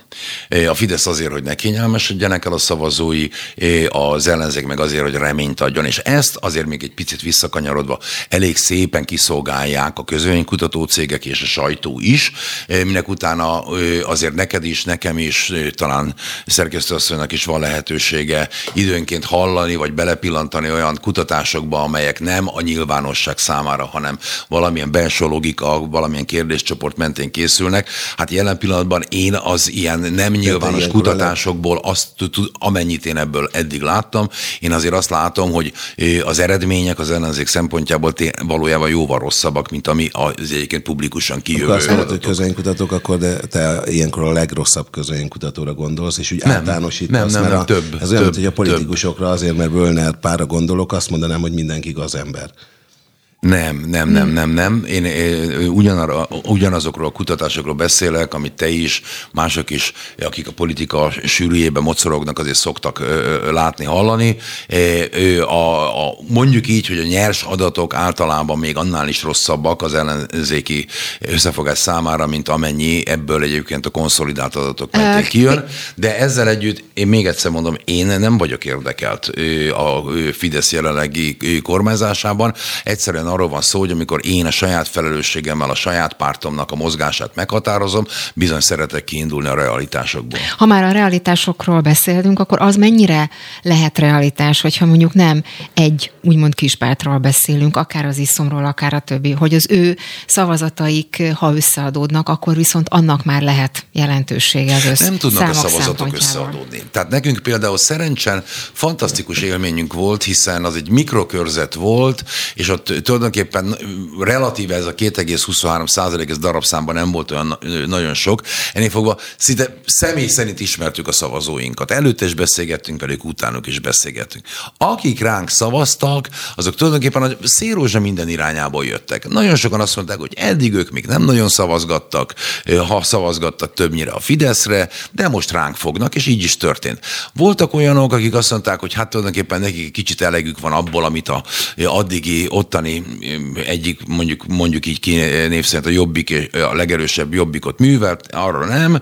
És nagyon sokan voltak, akik azt mondták, hogy ők még az életben nem szavaztak, fiatalok ráadásul, és azt mondták, hogy de hát ők most kipróbálják azt, hogy milyen érzés egy baloldali pártra szavazni. Tehát magyarul ő, ilyen nincs, hogy valaki elvesz valakitől akkor úgy kérdezem, szavazatot. Akkor úgy, kérdezem, hogy, akkor úgy kérdezem, hogy nem tart attól, hogy ebben a konstrukcióban, amelyben most a pártja van, azzal az esetleges 1-2 százalékos támogatottsággal, ami esetleg előfordulhat. Nem tart attól, hogy tulajdonképpen eltűnhet a, a, a sülyeztőben a választások után, hiszen nem csatlakozott egyik tömbhöz sem, nem túl nagy az esélyre, hogy mondjuk bejut a... Most se csatlakoznánk, kivált, nem, hogy egyféle tömbhöz lehetne nekünk maximum csatlakozni az ellenzéki tömbhöz, de egyáltalán nem bántuk meg ezt a döntésünket. Mi azt mondtuk, hogy itt 33 éven át minden irányból, liberális irányból, konzervatív irányból mindenki ütötte, vágta a baloldat, mindenki elhordta mindenféle Ezt én értem, csak a, a kérdés az továbbra is releváns. megjeleníteni, mm. valahol el kell kezdeni, végre legyen baloldal Magyarországon.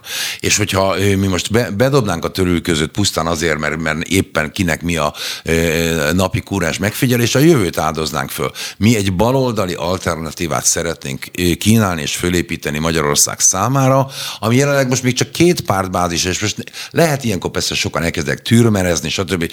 Messze menőleg nem tűr, mert Gyula a, a, ő, ő konkrétan nem is jelölt jelen pillanatban az egyéni miért körzetekben. Nem egyébként? Miért nem? Hát ezt tőle kell megkérdezni, mi ezt nem bolygattuk. Nem beszéltek erről, vagy nem egyeztettek erről? Most én nem kérdezem meg senkit, hogy miért nem. Hát aki bevállalta, hogy jelölt, az jelölt, aki nem vállalta be. A listán ott van persze, de ettől függetlenül szeretném mondani, hogy nem Szanyiból és nem Türmerből áll ez a két párt, rengeteg ember van mögötte. Azok a jelöltek, akik nekünk vannak, ezek buszsofőrök, kertészek, rockstar, például Pál Éva, ugye egykori rockstar, és még, még, még sorolhatnám, vannak köztük egyébként orvosok, jegykezelők, tehát mi azok vagyunk, akiket képviselünk. Ez egy nagyon-nagyon fontos történet, nem elit milliárdosok, hát a, bocsánat, mindkét, old, mindkét nagy tömbben hemzsegnek a milliárdosok, plusz még ugye a Gattyán párt is ez még bővítette ezt a választékot, tehát gyakorlatilag mi, mi, mi nem a milliárdosok pártja, és ez olyannyira is látszik egyébként, hogy látjuk azt, hogy,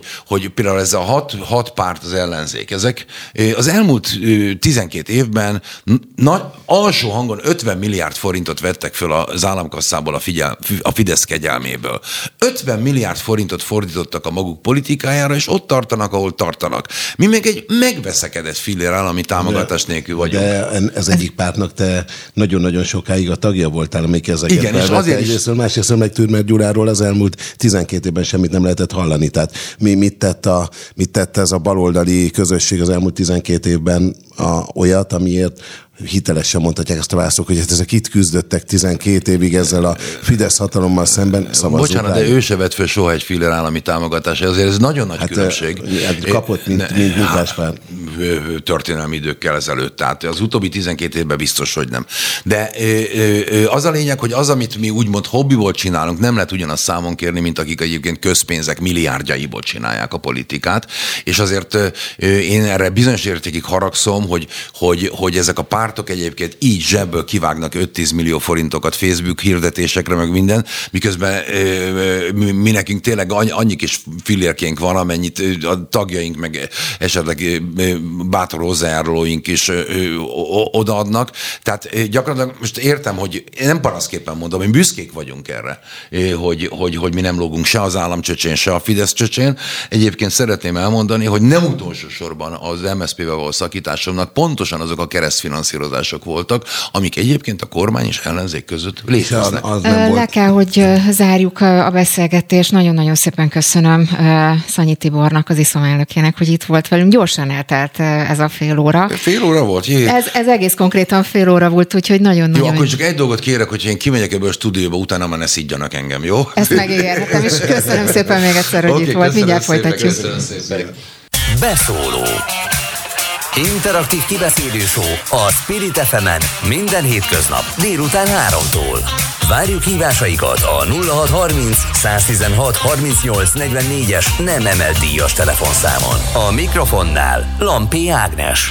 Így van, már is folytatjuk a beszólót, elérkeztünk a műsor utolsó negyedéhez, és hát nagyon sok mindenről szó volt eddig, hogyha van észrevételük, gondolatuk, kérdésük, javaslatuk, akkor ne hozzanak és hívjanak 0630 116 38 44, és nagyon remélem, hogy rövidesen majd tudunk beszélgetni Torockai Lászlóval is, a mi hazánk elnökével, hogyha sikerül elérnünk telefonon, de addig is szerintem folytassuk az elemzést. Somogyi Zoltán van itt továbbra is a stúdióban egészen 5 óráig, és én továbbra is forszírozom, hogy egy picit még a, majd a kispártokról beszélgetünk, de előtte azért mondjuk el a hallgatóknak, hogy időközben elkezdődött Márkizai Péternek is az évértékelője, és annyit már, hogy nem ő beszél még, hanem Dobrev Klára is felszólal majd Donát Anna az MSZP-ből, Kunhalmi Ágnes, az LNP részéről Kanász Nagy Máté, a párbeszédből Karácsony Gergely,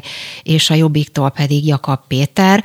Annyit a bevezetőben itt lehet olvasni és tudni, hogy nem csak évértékelőről lett szó, hanem évtized évértékelőt ígért Márkizai Péter.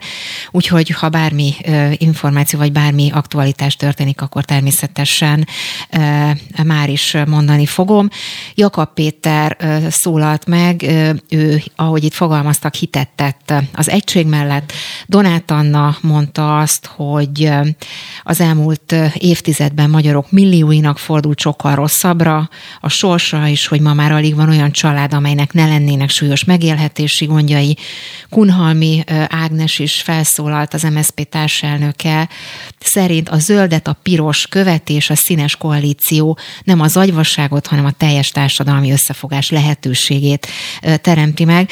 És akkor kérdezem is Somogyi Zoltánt, ugye itt nyilván arra próbálnak, vagy arról próbálnak kommunikálni a pártok, hogy most már tényleg egységben vannak, és mindenféle probléma, vagy mindenféle kommunikációs félmondatok most már nem, nem hozhatnak különbségeket köztük, hanem itt most már tényleg egységesen lépnek föl. Mennyire ez az imidzse az ellenzéknek, hogy ők most már tényleg egységesek, és itt akár Una Péter jelöléséről is beszélhetünk, de bármi más példa, hogyha van, akkor előhozhatjuk.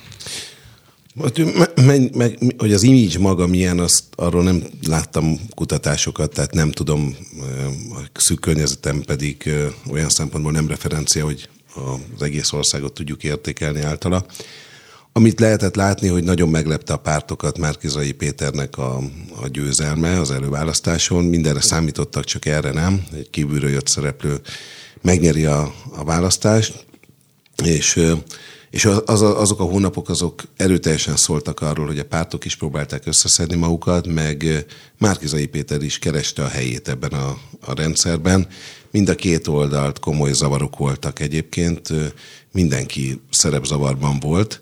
Ehhez képest viszont az is látszott, hogy valamikor össze kell állni az ellenzéknek egy, egy egységé, mert hogy van egy másik kényszer, a pártok mindenképpen minél nagyobb frakciót szeretnének a parlamentben látni. Ebben benne van ugye az a feszültség, hogy még máig nem láttuk a teljes listát, az ellenzéki listát, mert ott gondolom még folyik a harc a pártok között. Hogy... Hát igen, ugye ott Márkizai Péter azt javasolta, ha jól emlékszem, 43-tól 47. helyig, vagy valahogy ugye sorsolással döntsenek a pártok arról, hogy ki kerülhet be. Ugye ez is egy érdekes felvetés volt. Igen, ez, szóval. igen, igen, ez érdekes, meg talán a konfliktus gyengítő dolog.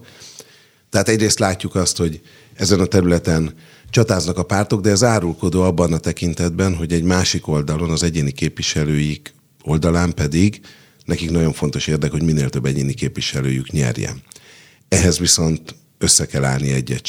Tehát Budapesten, a nagyvárosokban, aztán a kisebb településeken mindenütt egy egységes képet kell mutatni, mert van olyan kis település, ahol a Jobbiknak az érdeke, hogy az egység látszódjon, van olyan kis település, ahol meg a DK-nak az érdeke, vagy a többi párt. És ez azért sokat segített a, abban, hogy ma már az, az legyen a, a kép, hogy egységesen szerepelnek a, a, a pártok és Márkizai Péter. Ugye folyamatosan tartják azokat a sajtótájékoztatókat, ahol a program különböző elemeit jelentik be. Itt a pártok különböző politikusai jelennek meg, ott vannak a Márkizai Péter szlogenek előtt, van, aki már a kék szalagot is magára tűzi, bár ez ilyen vegyes, hogy melyik politikus igen, melyik nem, ismerkednek egymással a felek. Ez mindenképpen egy érdekes helyzet. Van egy üzenete az ellenzéknek, Dobrev Klára is egyébként erről beszélt, itt olvasom időközben, hogy tisztességtelenek lesznek a választások, mert hogy a Fidesz is ugye fél, érzi azt, hogy komoly esélyei lehetnek az ellenzéknek, ahogy fogalmazott, a Fidesz is érzi, hogy sorsdöntő szavazás jön, és ugye ez az egy, ez egy ilyen fő hát kommunikációs üzenet, hogy tisztességtelen tisztességtelenek lesznek a választások. Ez mennyire jöhet be ez az üzenet, és ennek mennyire lehet egyáltalán reális esélye, hogy tisztességtelenek lesznek a választások? Hát Kezdjük a sorsdöntővel, minden választás sorsdöntő. Ezt mindig meg fogjuk hallani, mind négy évente, hogy sorsdöntő választás előtt állunk, soha nem volt ilyen sorsdöntő, minden következő választás a sorsdöntő, mint az előző. És keményebb és húzósabb, mint a korábbi volt, és, igen. És véresebb, és minden. Egyrésztről Másrészt meg a, a tisztességtelenség vágyát az ellenzék könnyedén meg tudja fogalmazni a fidesz szemben, ha a napi gyakorlatból indul ki.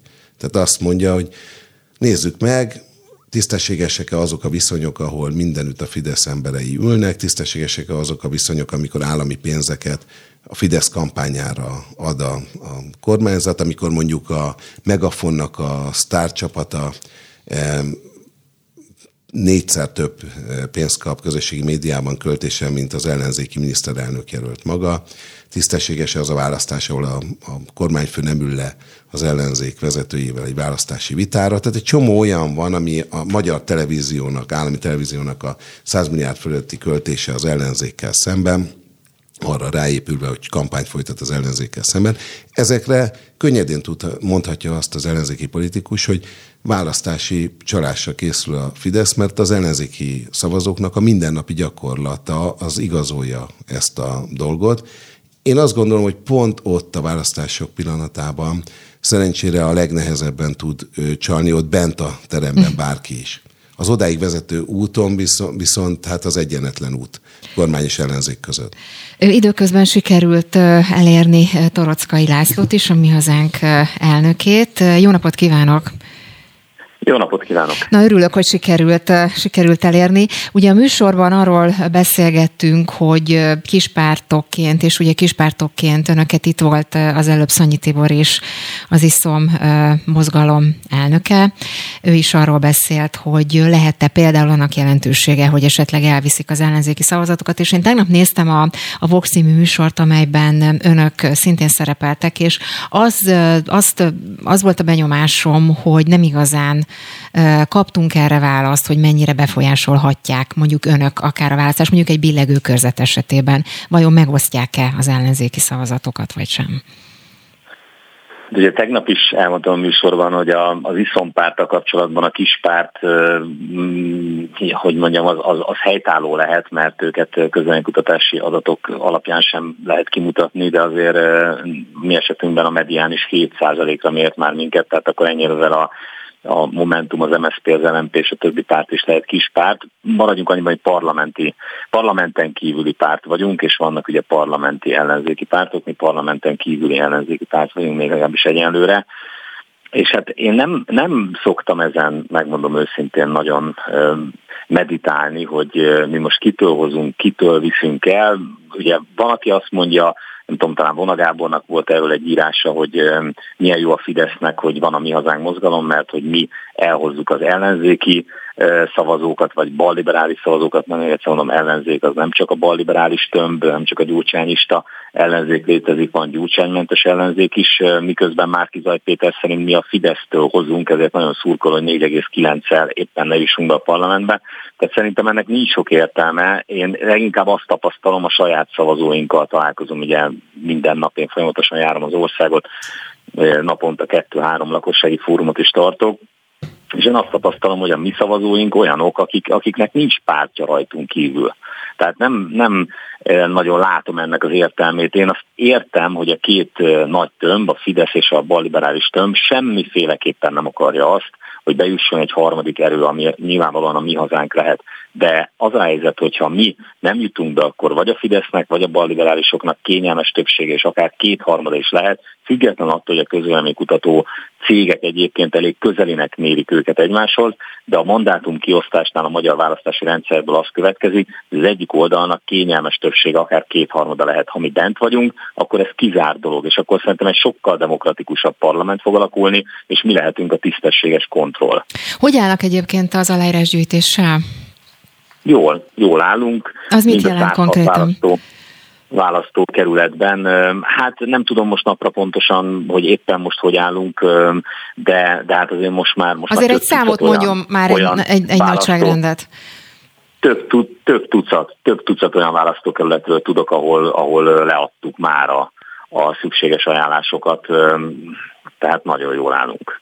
Uh-huh. Mi az, ami most még a kampány hajrájában önök számára kampány szempontból akár fontos üzenet lehet? Azért kérdezem, mert ugye éppen zajlik Márkizai Péternek az évértékelője, Orbán Viktornak is megvolt az évértékelő, Gyurcsány Ferenc is tartott évértékelőt, amiből nagyjából lehetett látni azt, hogy milyen stratégia mentén halad majd a kampány, akár a kormányzat, akár az ellenzék szempontjából. Önök számára melyik lesz, vagy mi lesz az a fő üzenet, amit mondjuk a kampány végéig közvetítenek?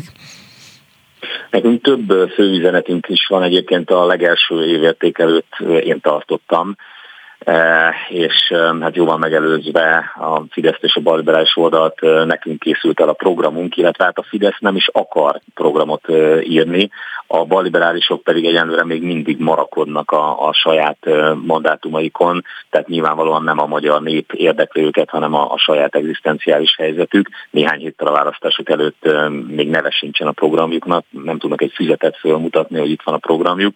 Szerintem azért ez, ez elég botrányos. Hát a fő üzeneteink között van nyilván az is, hogy Egyrészt nem akarunk Covid diktatúrát, látjuk azt, hogy, hogy ez egész Covid, ez egész koronavírus történet, ez sokkal inkább egy gazdasági, politikai történet volt a gazdasági, és a politikai elit irányította ezt az egész koronavírus ügyet egészen napjainkig, és nem tudjuk, hogy mit tartogatnak számunkra még a jövőben.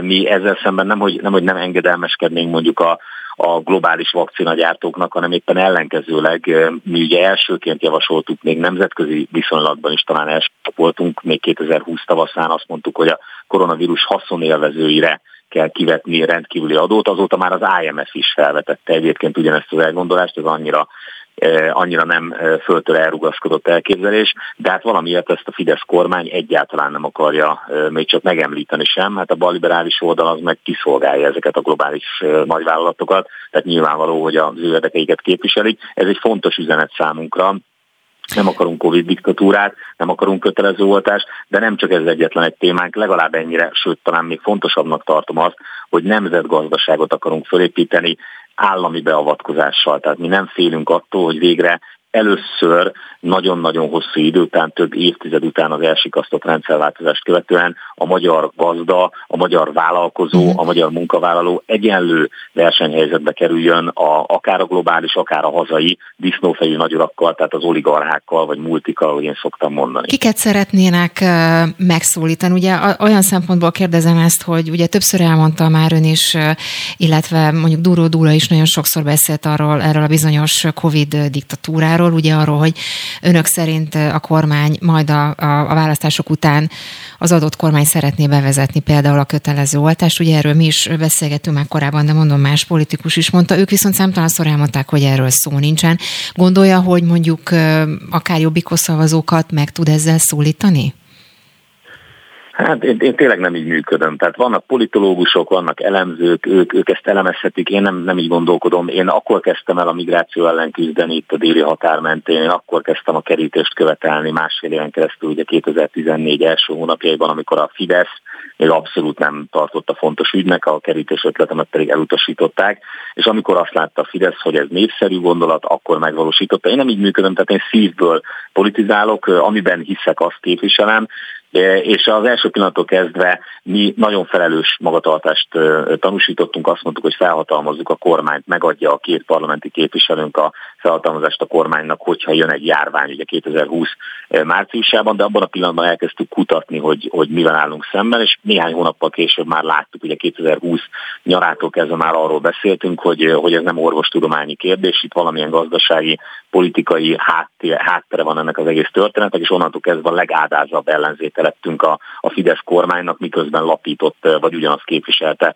ez a balliberális tömb. Én így gondolkodom, tehát ameddig ez szükséges, addig küzdünk ez ellen a Covid diktatúra ellen, de nagyon fontos hangsúlyozni, hogy nem csak a kötelező oltás, a kötelező oltás ez egy nagyon fontos téma, hogy azt, azt semmiképpen nem szabad, de úgy látom, hogy ott azért már vannak sikereink. Nem, nem csak a kötelező oltásról van szó, hanem, hanem a, a mögöttes gazdasági átalakulásról van szó, arról, hogy az elmúlt két évben a gazdagok sokkal gazdagabbak lettek, mint korábban, miközben milliók elszegényednek. Torockai Lászlónak, a mi hazánk elnökének köszönöm szépen, hogy rendelkezésünkre állt, és mindezt elmondta. Viszont hallásra minden jót! Viszont hallásra! Spirit FM 92.9 A nagyváros hangja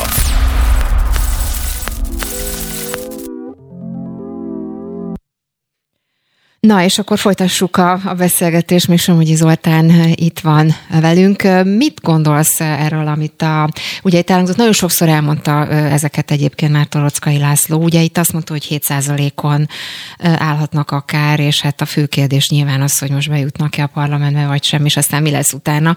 Van reális esélyű, esély annak, hogy bejutnak? Mit gondolsz? Én itt a kulcspontot, a kulcsmondatot a túl azon, hogy egyébként teljesen professzionális módon közvetíti azokat az üzeneteket, amit ők üzenetnek gondolnak, és mindenütt ezt halljuk, tehát professzionálisan működő pártról beszélünk.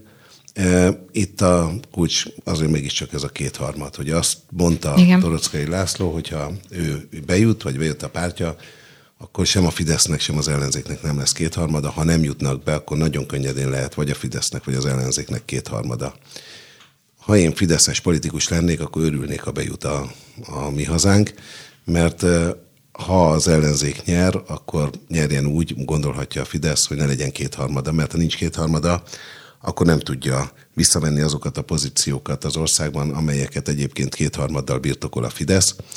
Az is egy kérdés, és nyilván minden politikai erő számára kérdés lehet, hogy egy olyan országban, amit a Fidesz úgy változtatott meg, hogy kétharmaddal nem, kétharmad nélkül nem lehet igazán módosítani rajta, Látjuk, hogy milyen vita van például az alkotmányozás kérdésében ellenzéki oldalon, hogy, hogy mit lehet és mit nem. A kétharmados törvényekhez hogyan lehet hozzányúlni. Vita van erről az ellenzéki oldalról, oldalon, és nincsen meg a jó válasz. Tehát ilyen szempontból egy fontos kérdés, és hát ez érinti az összes, a két nagy párton uh-huh. kívüli pártot, hogy ez az ország nem lett egy olyan ország, ahol ahol nem a, a sima többséget kell megszerezni annak, aki kormányozni akar, hanem a kétharmadot. Mert ha igen, akkor minden olyan ellenzéki szereplő, aki egyébként ennek a megtörését tűzi ki céljául, az a Fidesz szolgálja. Mhm.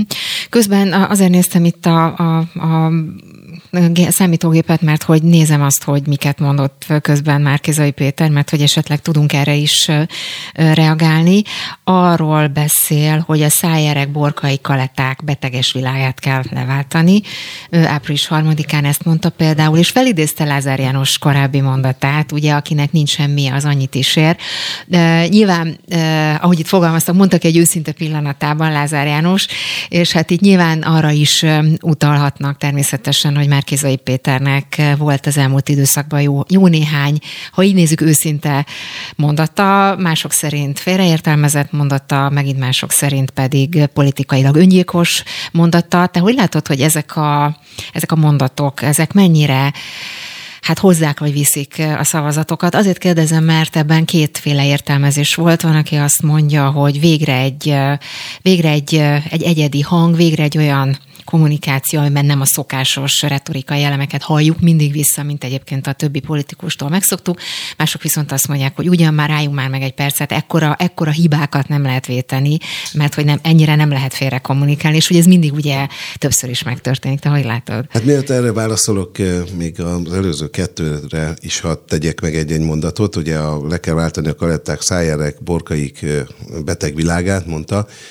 Ugye milyen nehéz a politikában bárkit is leváltani, ez azt mutatja, mert hogy a Fidesz mind a hármat tulajdonképpen leváltotta, de nem lehet leváltani, mert szimbólumokká válnak, és akkor itt maradnak velünk. Tehát ezek az emberek hiába lettek leváltva, nem itt, itt élnek a mindennapi politikában, és használni lehet olyan üzenetként, hogy ez a Fidesz rendszere. A másik Lázár János idézet, ne felejtsük el, hogy egymás ellen kampányolnak egyéni körzetben, tehát neki tulajdonképpen a Márkizai Péternek két kampányt kell folytatnia. Ugye, hogy mezővásárhely. Tehát neki, neki egyrészt kell két, egy miniszterelnök jelölti kampány, ami, ami valószínűleg már egy emberes lenne, meg egy országgyűlési választáson egyéniben elindul, ami szintén egy emberes kampány lenne, és még egyébként Hódmezővásárhelyen polgármester, ahol, ahol a polgármesteri munkáját is ellátja, tehát ő gyakorlatilag három ember munkáját látja el most. És ami, ami pedig a stílus illeti, meg, meglátjuk, az biztos, hogy egy nagyon új módon érkezett a politikába. Inkább azt látom Márkizai Péter esetében, hogy legyek hangos, legyek ott, legyek jelen, tehát ez a jelen, a kikönyökölni a szereplésnek a lehetőségét, beszéljenek rólam, mindig mond valami olyan mondatot, amiért Márkizai Péterről beszélünk, miközben egyébként látjuk, hogy a Fidesznek meg abszolút nem érdeke, hogy Márkizai Péter neve egyáltalán elhangozzon. Ez, ebből látszik, hogy azt mérik, hogy Márkizai Péternek azért van esélye uh-huh. velük szemben ellentétben a korábbiakkal. Lásd, Orbánnak a legutóbbi gondolatát, most már Gyurcsány mellé Bajnai Gordont is felvette, hogy ők ketten akarják itt a hatalmat. Mindenkivel foglalkozik Orbán Viktor, csak az csak. igazi ellenfelével, Márkizai Péterrel nem. Igen, még egy dolog itt, ami elhangzott az évértékelőben, vagy évtized értékelőben, ahogy itt az előbb mondtuk, hogy azt mondja, hogy hagy mondja el önök, hagy mondjam el önöknek, hogy ugye ezt is mindig el szoktam mondani, hogy hétgyermekes keresztény, jobboldali konzervatív édesapa, és azt is hozzátettem most, hogy egyike vagyok annak a 2 millió 700 ezer magyar választópolgárnak, akik 12 évvel ezelőtt bizalmat szavaztak Orbán Viktornak. Ugye ez is egy ilyen visszatérő elem az ő kommunikációjában. Egyrészt ez a bizonyos keresztény jobboldali, konzervatív, hétgyermekes családapa, illetve az, hogy ő is a Fidesztől indult, és hogy mennyire eltávolodott ez alatt a 12 év alatt. Ez mennyire hozhatja be mondjuk akár a, ugye a klasszikus, ugye mindig azt mondta már Kézai Péter, hogy a kiábrándult Fideszes szavazók szavazókat tudja ő megszólítani. Igen, ő arra pályázik, hogy a, a hagyományos ellenzéki szavazók megvannak, tehát ők eljönnek választani, meríteni kell a másik oldalról, segíteni kell a másik. Hát vagy ugye a Fideszes szavazókat leinkább lebeszélni arról, hogy elmenjenek választani, a középen lévő szavazókat meg áthozni az Meg hát a bizonytalanokat esetleg, e, esetleg behozni. Nyilván erről, erről szól ez a dolog, és a Fidesz számára valószínűleg kényelmetlen, hogy a, az ellenzéki jelölt tényleg ott volt náluk korábban, mint hogy egyébként a, az ő összes fontos ügyükbe, ügyüket lebuktató jelölt Hatházi Ákos szintén, szintén ott volt az ő oldalukon. Fidesz politikusa volt. És ez mennyire működhet szerinted ez az üzenet? Azért kérdezem, mert láthatóan ezt ugye nagyon-nagyon sokszor elmondja, szinte minden megszólalásában ott van ez a, ez a fajta üzenet. Nyilván sok csalódott, korábbi csalódott Fideszes meg tud szólítani, de igazán ez a választás azon múlik, hogy egy olyan, hát 20-25-27 olyan körzetben, mm. a, ahol, amit bilegőnek neveznek, ott egy összességében kb. 150 ezer embert meg tud az ellenzék is szólítani, mint a kormánypártok, olyan területeken, ahova az ellenzéknek eddig nem ért el a hangja, el tud-e jutni, és hogy ezek a billegők fogják igazán eldönteni. És mi, mi múlik ez szerinted, hogy itt meg tudják ezt hát szólítani? Ez ugye nagyon-nagyon fontos kérdés. Egyrészt van itt ellenzéki felelősség korábbról, tehát jelen kell lenni. Olyan nincs, hogy egy politikai erő nincs jelen, és ahogy szűkültek a, az ellenzék lehetőségei, úgy vonult vissza az ellenzék a nagyvárosokban, meg Budapestre, egyébként leginkább Budapestre, mert itt vannak a tévé meg rádiós stúdiók, ahova be kell jönni nyilatkozni ahhoz, hogy a pártagság lássa, hogy dolgozunk. És ezért, ezért kevésbé voltak erősek vidéken. Az a kérdés, hogy most, meg, most ezzel a lendülettel meg tudnak-e jelenni, be tudnak-e a helyi lakosságnak mutatkozni, meg tudnak-e jelenni a szóróanyagaik. Ó, egy nagyon-nagyon gyors kérdés a végére kíváncsi vagyok, hogy mit gondolsz, hogy elengedte például Budapestet? A Fidesz, te is így látod, mert hogy sokan ezt mondják, hogy ó, hát elengedte, hiszen a nagy ágyukat ugye elengedte, nem. Nem látjuk a részletes méréseket. Én én pont az ellenkezőt éreztem az elmúlt egy-két hétben. Azt láttam, hogy Orbán Viktor több budapesti körzetben is kampányolt, és az, hogy a miniszterelnök így megjelenik, ebben van egy olyan üzenet, hogy megnyerhető körzeteket lát Budapesten, és én azt is érzem, lehet csak érzés, hogy Budapesten van egy-két olyan körzet, amit megnyerhet a Fidesz, az összes többi az ellenzéké. Fú, hát nagyon izgalmas lesz, úgyhogy nagyon-nagyon szépen köszönöm Somogyi Zoltánnak, szociológusnak, a Polgári Platform alapítójának, hogy itt volt és át tudtuk beszélni. Azért izgalmas időszaknak nézünk elő, úgyhogy köszönöm szépen. Én is nagyon szépen köszönöm. Önöknek pedig köszönöm szépen a figyelmet, ennyi fért a mai beszólóba. Legközelebb jövő héten hétfőn lesz, a szokásos időben három órától beszóló, akkor majd Hont Andrással. Nagy Teodóra szerkesztő nevében is köszönöm szépen a figyelmüket, Lampi Ágnes hallották.